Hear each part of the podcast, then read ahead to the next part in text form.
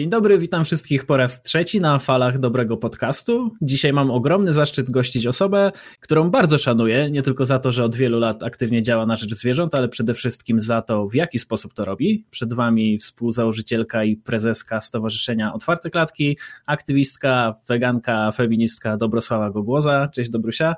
Hej. Powiedz mi, czy czujesz się trochę jako osoba, która miała duży wpływ na to, w jaki sposób wygląda aktualne podejście do aktywizmu prozwierzęcego w Polsce? Hmm, to duże pytanie. E, myślę, że na pewno miałam wpływ na to, jak funkcjonują otwarte klatki i myślę, że chociażby przez to e, jakiś wpływ na to, jak wygląda aktywizm w ogóle też mogłam mieć, aczkolwiek no, ciężko mi tutaj starać się cokolwiek tutaj udowodnić. No ale na pewno, na pewno to przynajmniej jak działa moja organizacja, to jest w jakimś stopniu moja zasługa. No tak, ale wydaje ci się, że mm, przynajmniej mi się wydaje, więc y, ja mogę to powiedzieć od siebie, że otwarte klatki miały bardzo duży wpływ na to, w jaki sposób prowadzimy na przykład debatę o prawach zwierząt w Polsce. I, no i nie ukrywając, to też jest duża twoja zasługa jako współzałożycielki i, i prezeski. Czy, czy uważasz, że rzeczywiście otwarte klatki mają tak duży wpływ? Zwłaszcza, że to nie jest najdłużej działająca organizacja, tak naprawdę działa stosunkowo krótko. Tak, e, działamy stosunkowo krótko i wydaje mi się, że zawsze, zawsze działa. Mm, zawsze działa się w taki sposób, że jest jakiś taki ekosystem. E, I w momencie, kiedy organizacja wchodzi w ten ekosystem i szczególnie odnosi jakiś tam sukces, a mam poczucie, że sukces osiągnęliśmy jako organizacja prozwierzęca, no to zmienia to sytuację też dla wszystkich organizacji. E, myślę, że mm, Chodzi mi o to, że to nie, to nie musi wcale znaczyć, że my jesteśmy jakoś tam super i w ogóle teraz wszyscy robią e, to, co my robimy, czy coś takiego, ale za każdym razem, kiedy pojawia się coś nowego w ramach takiego ekosystemu aktywistycznego, to dochodzi do jakiejś zmiany. Organizacje muszą w jakimś tam sensie patrzeć na to, co robią inne organizacje, też często, żeby nie powielać swojej pracy. Więc myślę, że gdyby teraz na przykład powstała nowa organizacja, która też odniosłaby mm, duży sukces, aktywistyczny, e, to ona w takim samym stopniu wpłynęłaby też na to, jak my robimy pewne rzeczy. Mhm. A powiedz też trochę o tym, jakie były początki otwartych klatek, jak ty zaczynałaś i jak to się stało, że, że właśnie zaczęłaś zarządzać coraz większą grupą osób i czy miałaś wcześniejsze doświadczenia z zarządzaniem ludźmi, czy, czy nie i czy jak się tego uczyłaś może? Hmm, więc prezeską zostałam prawie z przypadku. Po prostu e, założyliśmy organizację. E, trzeba by było coś wpisać w papiery. E, takie, e, no, kiedy zawiązywaliśmy się oficjalnie. I z takiej krótkiej rozmowy w trakcie, w trakcie spotkania wyszło, że ja będę tą osobą. Nie wynikało to z tego absolutnie, że mam jakieś duże doświadczenie w zarządzaniu. Właściwie, mm, jeżeli, jeżeli myślę o tym, czy miałam wcześniej jakieś doświadczenie, to bardzo często przywołuję raczej moje doświadczenie po prostu ze szkoły. I e, to może się wydawać dziwne, ale mam, mam takie poczucie, że bycie nauczycielem to jest często umiejętność dobrego zarządzania grupą, w takim sensie, że mm, okej, okay, możesz starać się krzyczeć i stawiać jedynki, ale to nie zadziała. I jeżeli chcesz, żeby sensownie uczyć i współpracować z tą grupą nastolatków czy dzieci, to musisz nauczyć się wiele na temat tego, jak działa psychologia zarówno jednostki, jak i grupy. I myślę, że pewne, um, pewne zasady, które stosowałam jako nauczycielka, totalnie sprawdziły się w funkcjonowaniu otwartych klatek. E, więc Myślę, że to stąd miałam największe takie, powiedzmy, poza aktywistyczne przygotowanie w zarządzaniu. Ale tak poza tym, to w momencie, kiedy mm, zaczęliśmy organizację, tak jak powiedziałam, ja zostałam prezeską trochę z przypadku, ale potraktowałam to bardzo poważnie. I zaczęłam bardzo dużo na ten temat czytać. Yy, właściwie odkąd zaczęliśmy działać jako organizacja, nie czytałam już zbyt wiele rzeczy dotyczących praw zwierząt, czy dobrostanu zwierząt, za to poświęciłam bardzo dużo czasu na czytanie o zarządzaniu, nie wiem, o marketingu, o fundraisingu i mam teraz wrażenie, że tej wiedzy jest w ogóle nie tylko w ruchu, ale nawet czasami w firmach za mało. Widzę dużo biznesów, również wegańskich, które popełniają czasami bardzo podstawowe błędy e, w tym, jak zarządzają ludźmi. Mhm. Właśnie to jest bardzo interesująca część, bo jak dołączyłem do otwartych klatek i, i przez te kilka lat, w których y, działam, mm, największe, jedno z największych wrażeń, jakie na mnie zrobiły otwarte klatki, to właśnie chęć uczenia się nowych rzeczy. I, I nie wiem, wydaje mi się, że to nawet ty na to kiedyś zwracałaś uwagę, y, ale być może możesz mnie poprawić, że, że czasami nawet warto czytać bardziej rzeczy związane właśnie z marketingiem, z, z kontaktami z ludźmi, uczyć się takich rzeczy, niż czytać tak zwane wegańskie książki, które uczą o na przykład hodowli i tak dalej. E, czy masz takie podejście, że właśnie czasami jednak lepiej przeznaczyć ten czas na, na budowanie takich umiejętności własnych, które później przydadzą się do, do bardziej efektywnego działania na rzecz zwierząt? No, absolutnie tak. E, myślę, że moja wiedza na wiele tematów związanych z zwierzętami jest bardzo podstawowa Dlatego też staramy się przyciągać do organizacji osoby, które mają takie przygotowanie. E, absolutnie nie chciałabym ani udzielać porad dietetycznych, za to mamy tutaj dietetyków, którzy się w tym specjalizują. E, nie chciałabym w jakiś tam sposób wypowiadać się też mocno na temat hodowli, bo znowu to nie jest, e, to nie jest zakres wiedzy, którą, którą posiadam. Za to pewne, pewne umiejętności, jak chociażby właśnie dobre budowanie grupy albo motywowanie ludzi, albo dobra komunikacja e, są też takimi dosyć uniwersalnymi umiejętnościami, które przydadzą się każdemu, niekoniecznie, niekoniecznie aktywiście. I wydaje mi się, że ich jest generalnie w ruchu za mało. E, myślę, że jest, jest taki odruch, że jak ludzie zostają aktywistami, to przede wszystkim chcą przeczytać wszystkie książki o weganizmie, jakie się ukazały w Polsce, albo wszystkie książki na temat praw zwierząt. E, tak zupełnie uczciwie myślę, że tyle wiedzy na temat koncepcji praw zwierząt, ile potrzebujemy, to jest mniej więcej mm, zwierzęta hodowlane cierpią, a ludzie nie potrzebują ich zabijać. I przez to to cierpienie jest niepotrzebne. I myślę, że to jest, e, to jest takie absolutne minimum, które absolutnie które wystarcza aktywiście, żeby skutecznie działać na rzecz zwierząt. Za to umiejętność jakby skutecznego mówienia o niektórych problemach, E, zastanowienie się nad tym, jak pewne problemy opisać w sposób, który jest e, łatwy do zapamiętania albo łatwy do zrozumienia. E, myślenie na temat tego, że posługiwanie się zbyt dużą ilością liczb albo statystyk potrafi obniżać empatię ludzi. Zastanawianie się, co, co robić, żeby aktywiści czuli się zmotywowani i, nie wiem, zostawali długo w organizacji. To są często dużo, dużo ważniejsze rzeczy. Tak, zwłaszcza, że jakby posiadanie tej wiedzy o, o to tak zupełnie jak mówisz, e, o, o hodowli i tak dalej jest, jest niesamowicie trudne i byśmy spędzili na tym masę czasu, żeby z pamięci mówić, jaki obszar lis pokonuje e, w, w naturze, kiedy się cielaka oddaje, e, od, odkłada od matki i tak dalej, więc jakby żeby to wszystko wiedzieć, naprawdę trzeba by spędzić na, na tym masę czasu, a na zupełnie trochę no, no nie, jest to, nie jest to niezbędne, żeby skutecznie działać, tak jak mówisz. E, chciałbym jeszcze dopytać Cię, bo wcześniej działałaś trochę w mm, organizacjach feministycznych. Możesz porównać te dwa doświadczenia właśnie organizacji prozwierzęcej i organizacji feministycznej. Wiem, że to było jakiś czas temu, więc na pewno też się to zmieniło z czasem, ale, ale czy możesz zauważyć jakieś różnice albo podobieństwa? Hmm. Um, no, na pewno mm, charakter działalności, w jaką się angażowałam, był trochę inny w przypadku organizacji kobiecych. Um, wtedy duża część tego, e, duża część tego, co e, robiliśmy, to była taka działalność częściowo po prostu bardziej kulturalna, e, łącznie z organizowaniem imprez typu Manifa w Opolu, wtedy mieszkałam w Opolu. Ale Jedną rzeczą, którą na pewno wyniosłam już z ruchu kobiecego, to było takie zaskoczenie, że w ruchu pozwierzęcym tak duży nacisk kładzie się na zmianę indywidualną. E, wydaje mi się, że to jest coś takiego, co ruchy społeczne, które mają dłuższą historię, już dawno sobie przerobiły, że żeby zmienić świat, potrzebujemy zmiany instytucjonalnej. Nie chcemy przekonywać, nie wiem, każdej osoby z osobna, żeby nie wiem, nie, nie dokonywała przemocy albo płaciła równo e, kobietom i mężczyznom. Chcemy po prostu jakiegoś takiego instytucjonalnego zabezpieczenia, że nasze prawa będą respektowane. E, więc wydaje mi się, że to, to było dla mnie jakoś pomocne, że, że miałam takie powiedzmy wcześniejsze przygotowanie z innego, z innego rodzaju aktywizmu. Um,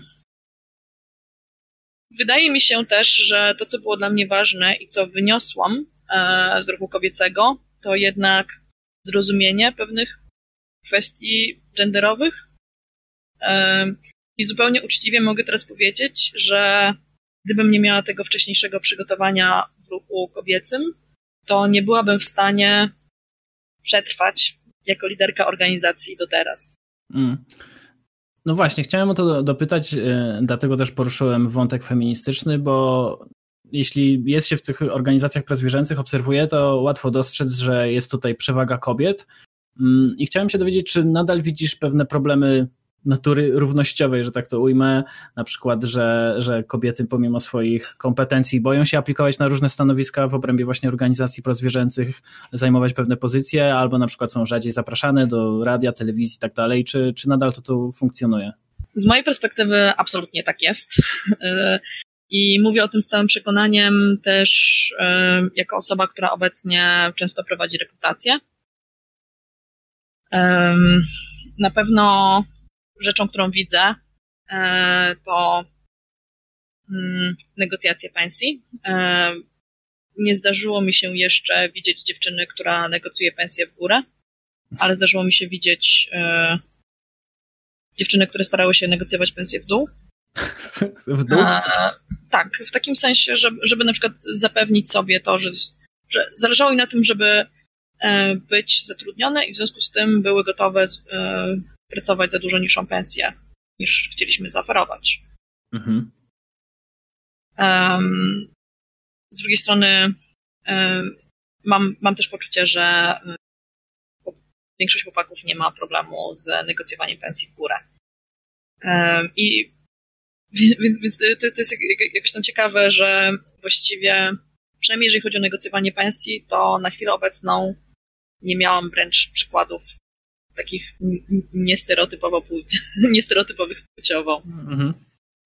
Na pewno jest to też problem, jeżeli chodzi w ogóle o zgłaszanie się do odpowiedzialnych zadań i wydaje mi się, że to jest, e, to jest dla mnie bardzo ważne e, w ogóle w funkcjonowaniu otwartych klatek, bo mam takie poczucie, że jeżeli pamiętamy, że część osób może się nie zgłaszać do zadań nie dlatego, że jest leniwa, nie chce pomagać, um, albo w ogóle jest niezainteresowana sukcesem organizacji, tylko dlatego, że ma po prostu niższy poziom pewności siebie i ma poczucie, że może coś skrzanić i zepsuć, e, no to wtedy zupełnie inaczej jednak się rozmawia z takimi osobami.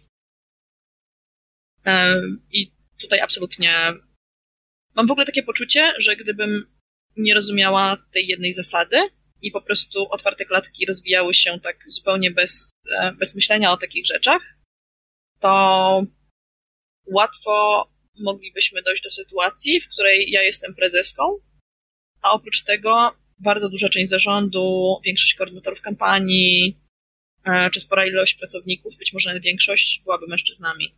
To tylko i wyłącznie przez to, że kiedy zadam pytanie, hej, mamy nowy projekt, jeszcze totalnie nie wiemy, jak to się robi i pewnie nikt z Was tego też jeszcze nigdy nie robił, ale kto chciałby spróbować podjąć to wyzwanie, to bardzo często jedyne ręce, jakie idą w górę, to są ręce facetów. I to jest okej. Okay. W takim sensie ja absolutnie nie chciałabym sugerować, że to jest, e, że to jest problem, że, mm, że ta pewność siebie jest problemem. Wydaje mi się, że pewnym problemem jest to, że kobietom brakuje tej pewności siebie.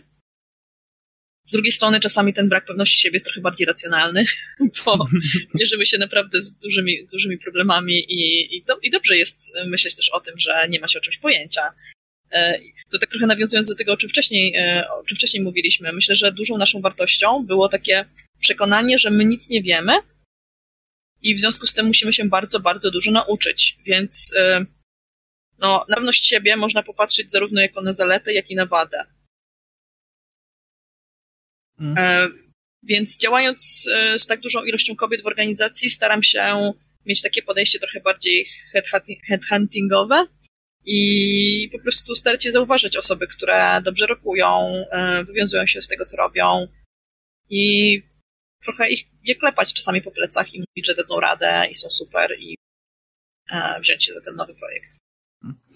No właśnie, bo to też często jest argument osób, mm, które nie są z feminizmem za pan brat, że tak to ujmę, które sugerują, że aż właśnie kobiety są z natury mniej pewne siebie, e, nie chcą brać na siebie takich e, wyzwań i tak dalej, więc jakby nie powinniśmy w cudzysłowie ich do tego zmuszać, czy, czy, czy zachęcać, bo to, no bo to samo z siebie wychodzi. A, a to chyba jest trochę bardziej złożony i systemowy problem, czy nie?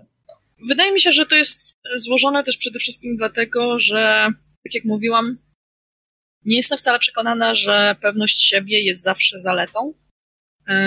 Mi się bardzo dobrze pracuje często z kobietami właśnie dlatego, że dużo częściej mają takie przekonanie, że mm, być może nie jestem jeszcze wystarczająco dobra, może powinnam jednak zapytać kogoś jeszcze o zdanie, może powinnam jednak konsultować decyzje z moim zespołem, może powinnam cały czas się rozwijać i czytać nowe rzeczy, żeby, żeby mieć jakieś tam przekonanie, że y, to, co robię, jest słuszne.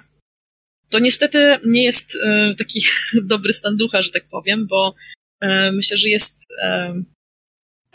Że czasami mile się żyje w takim błogim poczuciu, że jest się super. Dużo ciężej jest żyć z takim ciągłym przekonaniem, że musimy, że, że jakby musimy ciągle biec, żeby nadążać ale z drugiej strony to często będzie wpływało na faktyczną jakość naszej, e, jakość naszej pracy. Są też osoby, które trochę krytykują tą męską pewność siebie. E, I znowu tutaj nie, absolutnie nie chciałabym się posługiwać takimi e, stereotypami typu wszystkie kobiety są takie, wszyscy mężczyźni są tacy. Jest to absolutnie nieprawda. Um, jedyne, co możemy powiedzieć, to jest to, że są pewne tendencje i te, ten, te tendencje rozkładają się trochę płciowo, czyli e, myślę, że problemem jest brak pewności siebie lub nadmierna pewność siebie. I jeżeli popatrzymy na społeczeństwo, to więcej osób e, niepewnych siebie będzie wśród kobiet, a więcej osób z nadmierną pewnością siebie będzie wśród mężczyzn. Mhm. A jeszcze chciałbym dopytać, mm, jak to wygląda w kontakcie z mediami, z radiem, z telewizją? Czy Przypominam się przykład ostatnio, gdy był protest nauczycieli, gdzie wśród nauczycieli jest więcej kobiet statystycznie, a, a w tym programie byli sami mężczyźni i opowiadali, rozmawiali o tym, jakie powinny być zmiany. Mm, czy na przykład w kontaktach właśnie z mediami y, otwarte klatki dostają taki feedback, że, że, że lepiej, żeby na przykład mężczyzna wystąpił, albo czy, z drugiej strony takie trochę, e, może to być dziwne pytanie, ale czy otwarte klatki, chcąc być bardziej efektywne, powinny wysyłać mężczyzn, bo na przykład mężczyźni inaczej są postrzegani jednak w, w takich kwestiach bardziej właśnie specjalistycznych, czy przez, przez społeczeństwo? Przede wszystkim staramy się wypuszczać do mediów osoby kompetentne, niezależnie od, e, niezależnie od płci. Mm, myślę, że raz albo dwa razy zdarzyło nam się wypuścić e, raczej mężczyznę do mediów i podjęliśmy taką decyzję tylko dlatego, że były to programy takie już typowo e, agrobiznes, gdzie po prostu nie chcieliśmy tworzyć e, u widzów takiej dynamiki, że mamy jakiegoś starszego pana z wąsem, który wiadomo, że się zna na tej hodowli mhm. i wypuścimy tutaj jakąś dziewczynkę aktywistkę. Mhm. Więc to faktycznie trochę podjęliśmy decyzję, kierując się pewnymi stereotypami, które ludzie już mogą mieć. Mhm.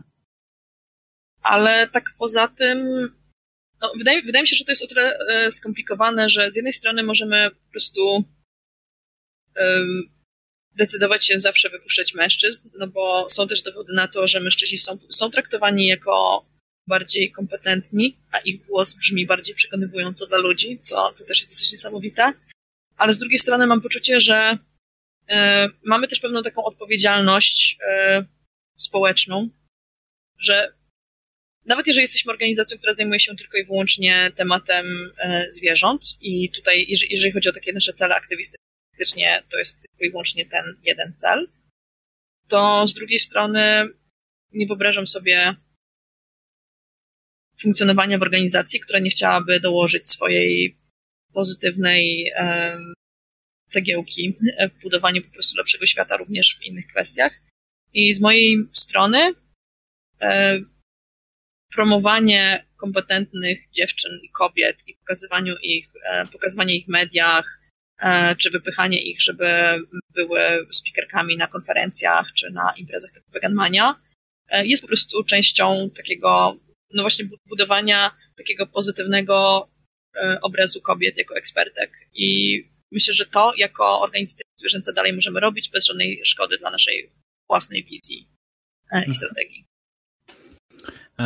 To zadam Ci jeszcze jedno takie ostatnie pytanie w wątku feministycznym. Chciałbym się dowiedzieć, jak jak środowiska feministyczne reagują na środowiska prozwierzęce? Bo zauważyłem, że wiele osób jest zaangażowane właśnie w działalność obu, obu tych środowisk, aktywnie się udziela e, i sugeruje, że powinno one iść ręka w rękę, że jakby jedno drugiego nie dość, że nie wyklucza, ale jakby się dopełniają, że to jest niezbędne. Jeśli ktoś chce być Mm, na przykład feministką czy feministą, to powinien też być za prawami zwierząt. E, jak to wygląda właśnie w środowiskach feministycznych, na, nie wiem, na kongresach kobiet i tak dalej?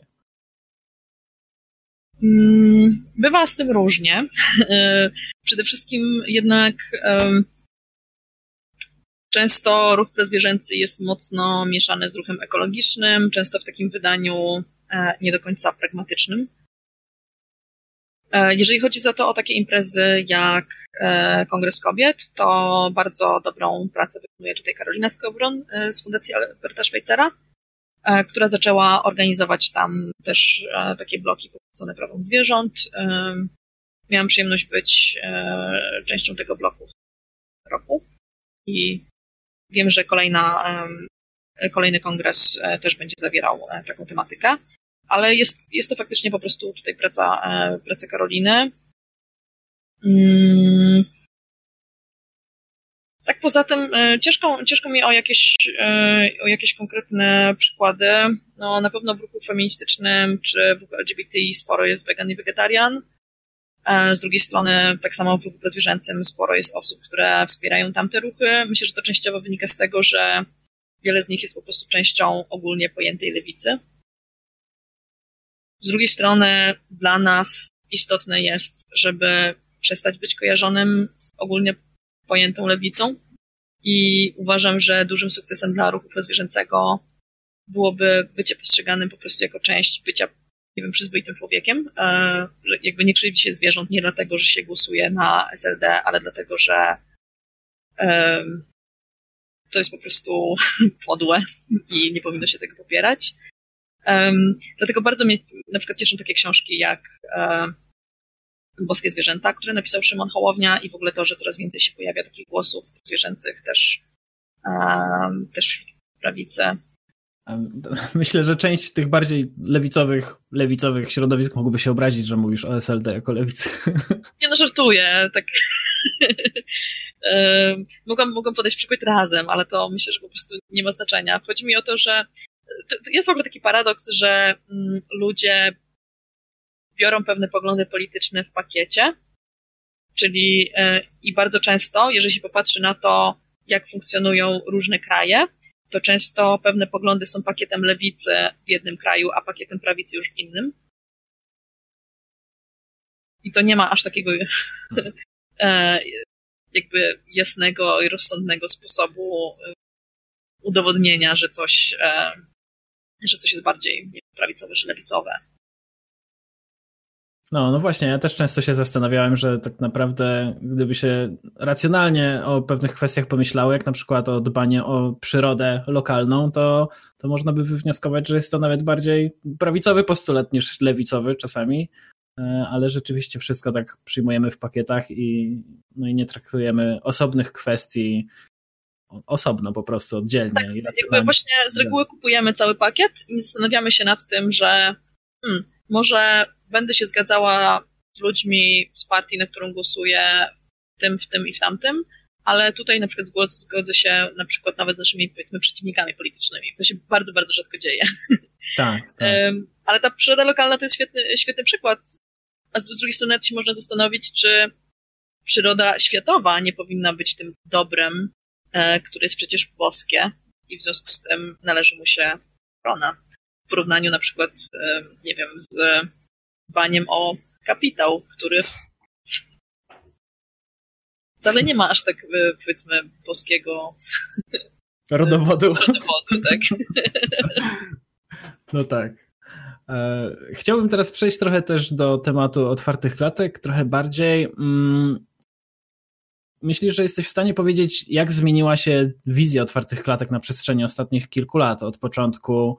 Mm, czy zmieniły się priorytety albo sposób myślenia e, o aktywizmie? Hmm. Na pewno jakieś tam e, rzeczy się zmieniają. E, nie wiem, czy jakoś znacząco zmieniło się nasze takie bardzo podstawowe podejście, a to wynika trochę z tego, że my chyba od początku nie mieliśmy takiego nastawienia, że e, jesteśmy organizacją, która powstaje po to, po to i po to i te rzeczy się nigdy nie zmienią. Myślę, że od początku byliśmy organizacją, która jest otwarta na uczenie się i otwarta na to, że będziemy zmieniać swoje poglądy. W związku z tym nie, nie przywiązujemy się jakoś mocno do kampanii albo do pewnego sposobu myślenia. Więc e, muszę powiedzieć, że tą naszą stałą cechą jest zmiana i w związku z tym e, ciężko powiedzieć, że doszło do czegoś, co totalnie sprawiło, że otwarte klatki są czymś innym niż były na początku. Nie wiem, czy, czy tłumaczę to w sposób jasny. Nie, nie, nie, jak najbardziej, jak najbardziej. Um, więc um, no bo po prostu zastanawialiśmy się kiedyś, czy byłoby w stanie pojawić się coś takiego, z czego jakby powiedzielibyśmy sobie jako organizacja, że nigdy nie zrezygnujemy. No i na przykład jeszcze parę lat temu łatwo można byłoby powiedzieć, że zawsze będziemy organizacją wegańską. Ale czy to jest prawda? Ja uważam, że nie. E, też nigdy się nie określaliśmy jako organizacja mocno wegańska. I coraz więcej, ja mam coraz większe poczucie, że e, wraz z dyskusją na przykład na temat czystego mięsa, czy tego mięsa bez e, rzeźni, wolnego od rzeźni, dyskusja o weganizmie myślę, że przejdzie do historii w pewnym bo, bo nagle się okaże, że ludzie jak najbardziej mogą jeść mięso, po prostu to mięso nie będzie pochodziło ze zwierząt i wszystko jest okej. Okay. Hmm. Więc uważam, że zbytnie przywiązywanie się do pewnych kwestii jest problemem i myślę, że tego błędu nie popełniliśmy. Hmm. A myślisz, że są może lepiej nie, nie poruszajmy wątku, czy są organizacje, które popełniają te błędy, bo. Yy, ale też chciałbym właśnie przy okazji tego pytania się zastanowić, co myślisz o, yy, o krytykowaniu innych działań prozwierzęcych, które mhm. na przykład uważamy za nieefektywne albo mniej efektywne. Czy powinniśmy to robić, czy jednak wszyscy razem powinniśmy się trzymać bez względu na to, co kto robi i w jaki sposób to robi? Przede wszystkim mam poczucie, że w ruchu powinna zawsze być zdrowa debata. Um, ona musi być prowadzona w bardzo konkretny sposób, um, z szacunkiem dla, dla drugiej strony. E, z mojej perspektywy po to też zaczęliśmy organizować konferencję CARE, e, której otwarte, otwarte klatki zaczęły tą konferencję, e, przy czym z myślą taką, że ona będzie działała też w różnych krajach. Zawsze jednak jakoś tam uczestniczymy w tworzeniu programu na nią. I założyliśmy tutaj, że nie będziemy w żaden sposób cenzurować tego, jaki, mm, jakie postulaty mają osoby, ale że nie będziemy zapraszać tam osób, które kiedykolwiek zaangażowały się w ataki na inne organizacje albo E, czyli zakładamy pewną otwartość na poglądy, ale nie jesteśmy absolutnie otwarci na hamstwo i atakowanie innych. Mhm. E, więc jeżeli chodzi o taką, e, taki rodzaj mm, zdrowej dyskusji, to jestem absolutnie za i uważam, że ona jest potrzebna i nas rozwija. Są bardzo fajne grupy na Facebooku, głównie po angielsku, gdzie też można poczytać sporo sensownej dyskusji na temat strategii. Ale mm, Jednocześnie wydaje mi się, że warto mieć duży dystans do swoich poglądów na temat tego, co działa, co nie działa. E, też dlatego, że to, co działa i co nie działa, będzie się zmieniało w czasie.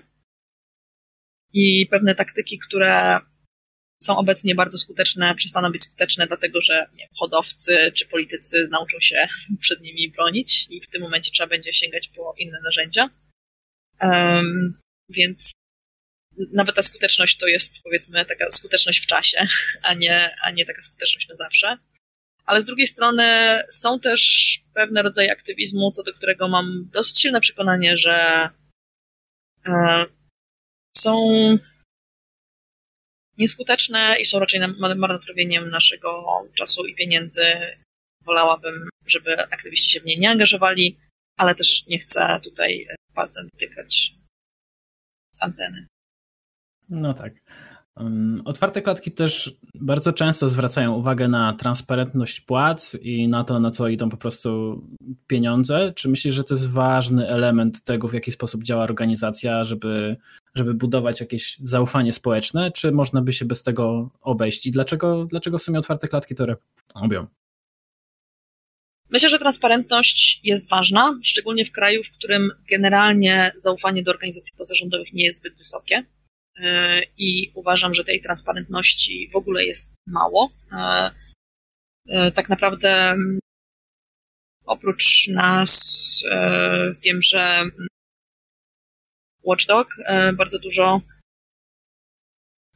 bardzo dużo swoich danych gdzieś tam publikuje i też w jakimś tam sensie zainspirował nas do, do pewnych decyzji dotyczących transparentności.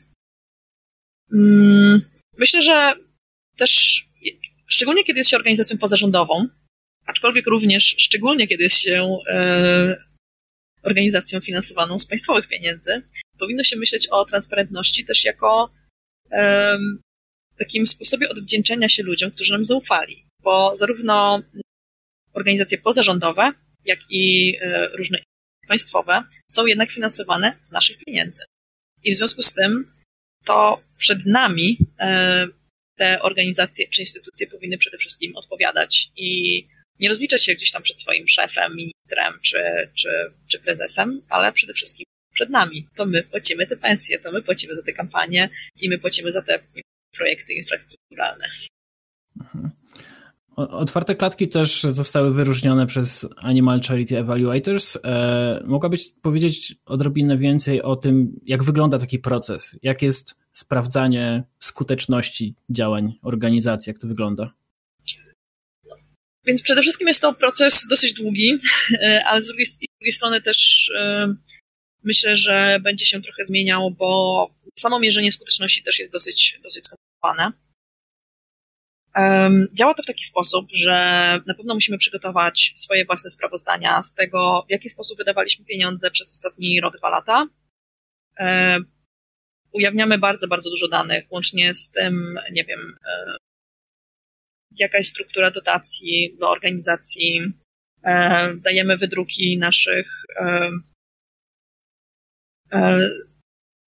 z, naszych mediów społecznościowych, różnych, różnych zasięgów i tą całą analitykę i to wszystko przekazujemy. Oprócz tego przechodzimy wywiady, e, gdzie dostajemy różne, różnego rodzaju pytania, czasami powiedzmy wstydliwe. Myślę, że e, w tym, w tym momencie Animal Charity Evaluators mocno nastawia się niekoniecznie na to, że organizacja mm, prowadzi bardzo konkretny rodzaj działalności, bo bardzo często ciężko jest porównać E, na przykład działalność na rzecz e, nadania podstawowych praw małpom przewokształtnym e, z działalnością za zakończeniem na przykład hodowli przemysłowej zwierząt. W sensie trudno powiedzieć, co długofalowo będzie lepszą drogą. Więc bardzo duża część tego, co starają się zrozumieć na temat organizacji, polega na tym, czy oceniają osoby zarządzające organizacją jako takie, które potrafią podejmować dobre decyzje i na przykład, nie wiem, e, uczyć się rezygnować z projektów, które ewidentnie nie przynoszą e, założonych sukcesów, e, potrafią jakby racjonalnie oceniać, czy e, dobrze planować, ale też oceniać e, sukcesy i porażki. Ale również bardzo mocno oceniany jest zarząd pod kątem tego, jak w ogóle działa organizacja. I założenie tutaj jest takie, że silne, sprawne organizacje będą celowo również skuteczne, a organizacje, nawet jeżeli będą mieć wspaniałe kampanie i wspaniałe pomysły, jeżeli będzie tam dochodziło, nie wiem, do mobbingu, ludzie będą rzucać pracę po dwóch miesiącach i w ogóle będą nieszczęśliwi, no to ten, te, te wszystkie plany to w ogóle są e, jakby nie zostaną przede wszystkim zrealizowane i nie ma znaczenia, że one są super. E, co więcej, mm, obecnie cokolwiek powie zarząd, jest później sprawdzane tym, co pracownicy e, albo nawet wolontariusze. W momencie, kiedy my przechodziliśmy pierwszą ewaluację, mieliśmy tak mało pracowników, że nie dało się zrobić anonimowego wywiadu z pracownikami, bo łatwo doszlibyśmy do tego, e, kto, kto był przepytywany, więc udostępniliśmy Animal Charity Evaluators e, listę bardziej aktywnych wolontariuszy i to spośród tych osób wybierane były osoby do takiego anonimowego wywiadu. w którym przepytywano ich z tego, czy cokolwiek ja co ja powiedziałam jest prawdą, jak się czują w organizacji, jakie widzą problemy i tak dalej, i tak dalej. Rozmawialiśmy teraz o budowaniu zaufania w społeczeństwie, a chciałbym też spytać Cię, czy zauważyłaś zmianę w postrzeganiu otwartych klatek przez polityków, organy władzy, instytucje wojewódzkie, lokalne, bo no, też jakby chcąc zmieniać rzeczywistość dla zwierząt, trzeba z nimi współpracować. Jak to wygląda? Myślę, że y, będzie to bardzo zależało od jednostki, o której mówimy konkretnie. Na pewno obecnie bardzo dobrze rozwija się nasza współpraca z biznesem i szczególnie kampania Roślinniejemy e, prowadzi bardzo dużo takiej współpracy instytucjonalnej e, właśnie z e, różnego rodzaju przedsiębiorstwami, które na przykład mogą wprowadzać opcje roślinne swojego menu czy produkcji. Jeżeli chodzi o powiedzmy takie bardziej polityczne jednostki, to z tym bywa różnie i trochę wiele zależy od tego, jakie konkretne my mamy interesy i jakie interesy mają te jednostki. Nie wiem, czy tutaj ja byłam najlepszą osobą do odpowiedzi na to pytanie. Niemniej jednak to, co na pewno mogłabym powiedzieć, to nie zawsze nas lubią, ale zawsze traktują nas poważnie. A, no to myślę, że to jest bardzo ważne. Myślę, że to jest bardzo, bardzo ważne. Teraz zadam takie w sumie ostatnie pytanie w tej mm, części głównej. Mm, jest to kwestia, która dosyć często z mojego doświadczenia pojawia się, pojawia się w komentarzach, w pytaniach także do mnie. Jak sobie radzisz z może z tak szeroko powiedzianym hejtem, ale ogólnie jak dbasz o higienę psychiczną, jak sobie radzisz z prowadzeniem organizacji, kiedy to mm, bardzo często są mocno emocjonalne tematy, które poruszamy, e, a jeśli ludzie mają z tym problem, kiedy zajmują się tym wolontarystycznie albo w ogóle tak z doskoku, a co dopiero osoby, które zajmują się tym zawodowo i mają z tym styczność codziennie. Jak, jak po prostu, jakie masz porady dla ludzi, żeby, żeby lepiej sobie z tym radzić i, i nie wypalić się po prostu, bo to też byłaby ogromna strata. Więc wspominałam już wcześniej o tym, że prawdopodobnie nie przetrwałabym jako e, liderka e, swojej organizacji, gdybym nie miała wcześniejszego przygotowania właśnie z tego ruchu kobiecego. I wydaje mi się, że częścią mojego rozwiązania jest to, że rozumiem, jak pewne zachowania działają. I w związku z tym, że zdaję sobie sprawę z tego, że kobiety na stanowiskach przywódczych są często oceniane bardziej surowo, również przez inne kobiety, niestety, e, to wydaje mi się, że to daje mi taki filtr, który sprawia, że nie wszystko będę traktowała tak osobiście. W sensie, że zakładam, że pewna część problemów wiąże się trochę z tym, że jestem kobietą na, na stanowisku przywódczym, a nie koniecznie z tym, że ja jestem totalnie beznadziejna i wszystko robię źle. E, więc myślę, że to pomaga i naprawdę polecam wszystkim dziewczynom, które są na jakichkolwiek stanowiskach menedżerskich, przywódczych i tak dalej, żeby żeby trochę na temat tego, jak działają w ogóle kobiety w, w takim środowisku poczytały, bo będzie to dla nich dużą pomocą i ulgą. Oprócz tego e, bardzo, bardzo pilnuję tego, żeby się wysypiać. To jest być może taka mm, mała i głupia rzecz, ale bardzo wpływa na naszą jakość życia. E, jak byłam młoda i głupia, to myślałam, że się wyśpię po śmierci i inne tego rodzaju niemądre rzeczy. Teraz już wiem, że to jest absolutnie irracjonalne jeżeli się nie wysypiamy, to nie wiem, częściej chorujemy, jesteśmy bardziej zestresowani. I, i często dużo rzeczy, które e, normalnie w ogóle by na nas e, nie wpłynęło, nagle będzie sprawiało, że będziemy rozdrażnieni e, czy, czy zaczniemy atakować innych, więc naprawdę głupie niewyspanie, jedna zerwana noc i od razu, wiecie, zmieniamy się czasami pora, jeżeli coś tylko się wydarzy. W sensie wszystko jest okej, okay, to jest okej, okay, ale jeżeli, ale dużo łatwiej tracimy e, jakąś tam równowagę i I wszyscy cierpią czasami dookoła, nie tylko my sami. I kolejną rzeczą, którą, którą zaczęłam dbać e, od jakiegoś czasu i znowu, e, jak byłam młoda, to byłam raczej typem osoby, która po prostu wchłania dużej ilości książek i to się nie zmieniło. Za to zaczęłam też uprawiać aktywnie sport. Obecnie głównie trenuję brazylijskie jiu-jitsu, które bardzo lubię. Pozdrawiam całą Akademię Gorilla z Warszawy. Ale i myślę, że znalezienie sobie jakiejś formy aktywności sportowej, która sprawia nam przyjemność, e, też będzie zawsze działała. Znowu tutaj warto pamiętać o tym, że mm, może nam, może nam się dużo na nasz temat wyobrażać, ale jesteśmy też po prostu zwierzętami, potrzebujemy ruchu i to, że otrzymujemy odpowiednią ilość ruchu naprawdę sprawia, sprawia że nasze mm, samopoczucie jest zupełnie inne i myślę, że z mojej perspektywy sport się sprawia też w taki sposób, że szczególnie jak kiedy zaczęłam uprawiać, sporty walki, ale myślę, że jest jeszcze trochę innych sportów, które, które też spełniłyby tą, które dałyby nam e, podobną rzecz. Jest to taki sport, który jak zaczynasz uprawiać, to w momencie, kiedy jesteś na przykład na sali, to nie myślisz o niczym innym. Czyli to jest trochę jak taka godzina medytacji, gdzie mhm. naprawdę musisz skupić się na tym, na tym, co jest tu i teraz, bo jak nie, to nie wiem, dostaniesz w twarz albo, albo zostaniesz poddany, czy, czy cokolwiek takiego. I miałam takie poczucie, że jak biegałam albo chodziłam na siłownię, to mogłam cały czas zajmować się, nie wiem, myśleniem o e, tym, co się dzieje po w klatkach, albo czasami odpisywać na maile pomiędzy seriami. E, w momencie, kiedy teraz chodzę, chodzę na salę i chodzę się bić, to absolutnie czegoś takiego, czegoś takiego nie ma, bo po prostu no, nie ma takiej możliwości, więc, więc myślę, że to też psychicznie daje mi dużo większy odpoczynek e, niż inne formy sportu. W każdym razie jestem przekonana, że każdy jest w stanie znaleźć formę sportu dla siebie i bardzo to polecam. Hmm.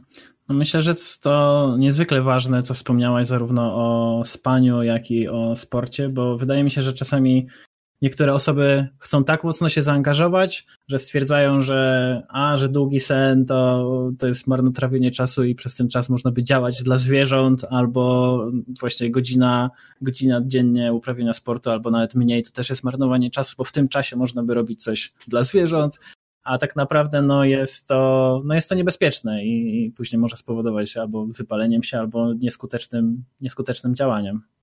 No, totalnie tak. Ja też miałam takie podejście czasami, więc absolutnie rozumiem osoby, które, które tak myślą, ale w pewnym momencie, jak zaczęłam trochę więcej też czytać na temat zarówno skutków snu, jak i skutków po prostu aktywności fizycznej na nasz mózg i to nawet zaczęłam robić tak, że jeżeli jestem w wyjątkowo stresującym okresie e, i być może nawet nie byłabym w stanie sobie pozwolić na aktywne uprawianie sportu jak, e, jak normalnie, to jeżeli to jest powiedzmy taki ciężki tydzień, to wtedy będę chodziła naprawdę spać z zegarkiem w ręku e, i absolutnie wiem, że wtedy nie mogę sobie pozwolić na zawalenie nocy, bo wtedy się po prostu rozsypię.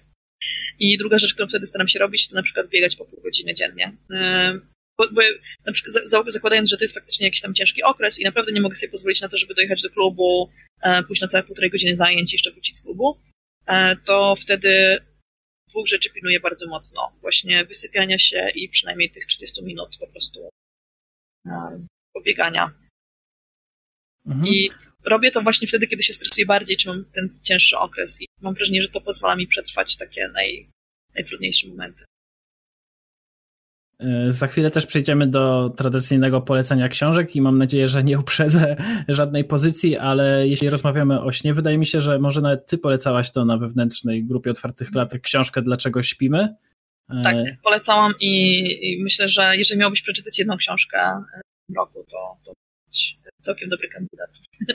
Tak, ja też właśnie jestem w trakcie czytania, jestem w połowie i, i, no i po tej połowie też mogę, mogę naprawdę bardzo mocno polecić, bo, no bo to zmienia rzeczywiście trochę postrzeganie i zwraca uwagę na to, jak dużo jest zagrożeń tego, mm, kiedy mocno ograniczymy spanie, albo nawet w małym stopniu ograniczymy spanie i też na co, co do teraz pamiętam, mm, co zrobiło na mnie wrażenie, że tak naprawdę nie możemy w 100% odespać tego, mhm. e, tych swoich braków, więc, więc jeśli one się pojawią, to już jest to już jest rozlane mleko i nic się z tym nie poradzi. Mam wrażenie, że taka, e, taki przykład z tej książki, który robi często na ludziach wrażenie, to jest to, jak dużo łatwiej jest ci po prostu zachorować na zwykłe przeziębienie czy grypę, kiedy yy, jesteś niewyspany. I mam poczucie, że jeżeli ktoś na przykład ma takie podejście, że będę spał krócej, bo dzięki temu zrobię więcej, to samo to myślenie o tym, że możesz się po prostu rozchorować i wtedy przez tydzień nie zrobisz nic produktywnego, jest takim dobrą szczepionką, powiem na, na tego rodzaju myślenie. No, myślę, że to jest bardzo, bardzo dobra uwaga. E, no i teraz tradycyjnie chciałbym właśnie przejść do, po pierwsze, do takiej prostej, porady dla wszystkich osób nas słuchających, co można zrobić, żeby żyć bardziej świadomie i może działać efektywnie w swoim życiu, a później do tych trzech polecanych książek. Hmm. Wydaje mi się, że, że przede wszystkim jest na pewno dużo rzeczy, które można robić i pewnie jeszcze mnóstwo rzeczy ja powinna robić, żeby być lepszą aktywistką i w ogóle. E, ale gdybym miała wybrać jedną, to chyba bardzo dobrą cechą jest wykształcanie w sobie pokory i takiego przekonania, że nie wiemy wszystkiego i że i że mamy pewne poglądy i pomysły, które jednak warto weryfikować i, nie wiem, czytać książki, które, z którymi się być może nie zgadzamy, albo słuchać y, osób, które mają inne poglądy. E, czyli taka, powiedzmy, intelektualna, no właśnie, intelektualna pokora. Myślę, że jest bardzo przydatną cechą, e, która pozwala nam e, nie zbudować sobie klapek na oczach, a myślę, że to jest super ważne, szczególnie dlatego, że nawet jeżeli dzisiaj mamy rację, to świat się cały czas zmienia, więc my musimy być cały czas otwarci na nowe informacje cały czas jakby przetwarzać sobie to i zmieniać też swoje podejście do wielu rzeczy. Więc e, myślałam sobie o rzeczach, które mi się zarówno podobały, jak i e, będą trochę związane z tym, o czym mieliśmy okazję rozmawiać. Na pewno książka, która wywarła na mnie ostatnio bardzo duże wrażenie i mm, ma taki plus, że jest też wydana po polsku. E, jest Factfulness Dlaczego świat jest lepszy niż myślimy, czyli jak stereotypy zastąpić realną wiedzą. E, to jest książka napisana przez Hansa Roslinga i wydana przez Media Rodzina, e, która jest właśnie o tym, że powinniśmy tracić nadziei, bo świat zmierza w całkiem dobrym kierunku. To nie jest tak, że nie ma dalej problemów, jest mnóstwo problemów do, rozwią do rozwiązania. Hodowla przemysłowa jest ewidentnie jednym z nich, który niestety nie zmierza na chwilę obecną w dobrym kierunku, ale mm, myślę, że jest to taka dobra dawka optymizmu dla aktywistów, a aktywiści tego bardzo, bardzo potrzebują. Sporo problemów społecznych udaje nam się całkiem sensownie rozwiązać i wiele rzeczy na świecie zmierza w bardzo, bardzo dobrym więc powinniśmy e, no, utrzymać nasz optymizm i pracować dalej, żeby, e, żeby było jeszcze, jeszcze lepiej. E, druga książka jest wydana dosyć niedawno po polsku. Ja czytałam ją po angielsku jeszcze. To książka Melindy Gates, e, Moment zwrotny, jak kobiety rosną w siłę i zmieniają świat. Jest to dosyć, dosyć ciekawa pozycja na temat e, właśnie tego, że temat kobiet i płci jest jakoś tam powiązany z różnego rodzaju problemami społecznymi i rozumienie sytuacji kobiet pomaga nam rozwiązywać też e, wiele problemów. I trzecia książka, którą chciałabym polecić, niestety nie została e, wydana w języku polskim, ale jest napisana całkiem przystępnym językiem, więc mam nadzieję, że e, będzie też, e, będzie też do przełknięcia dla osób, które, które nie są, nie czytają zbyt dużo po angielsku. Jest to Swarmwise, napisane przez Ricka Falkfinga, czyli założyciela Partii Piratów, która no, dla mnie była książką, która bardzo mocno zainspirowała w ogóle to, jak działają otwarte klatki model funkcjonowania partii piratów. E, to był właśnie model, który trochę zaczęliśmy kopiować. Na początku byłam przekonana, że tak, że tak, że to tak nie można działać, że ciężko będzie tak zaufać ludziom i dać im taką swobodę w decydowaniu o tym, co robią. Ale im więcej o tym myślałam, tym bardziej byłam przekonana, że to może zadziałać, a teraz widzę, że to absolutnie działa. E, mój e, supermąż nawet załatwił mi wydanie Warmoist dedykacją E, od Ricka Falkfinga, bo właśnie sprzedał mu tą historię, że otwarte klatki działają w oparciu tego i e, Dobra, e, niestety musimy już kończyć. Lista książek, którą podała Dobrusia znajdzie się w opisie, tak samo jak linki do stron otwartych klatek, do konferencji CARE, do bloga Dobrusi, tak? No dobra. Więc zachęcam do, do sprawdzania tych linków i dziękuję bardzo, że gościłaś na falach dobrego podcastu.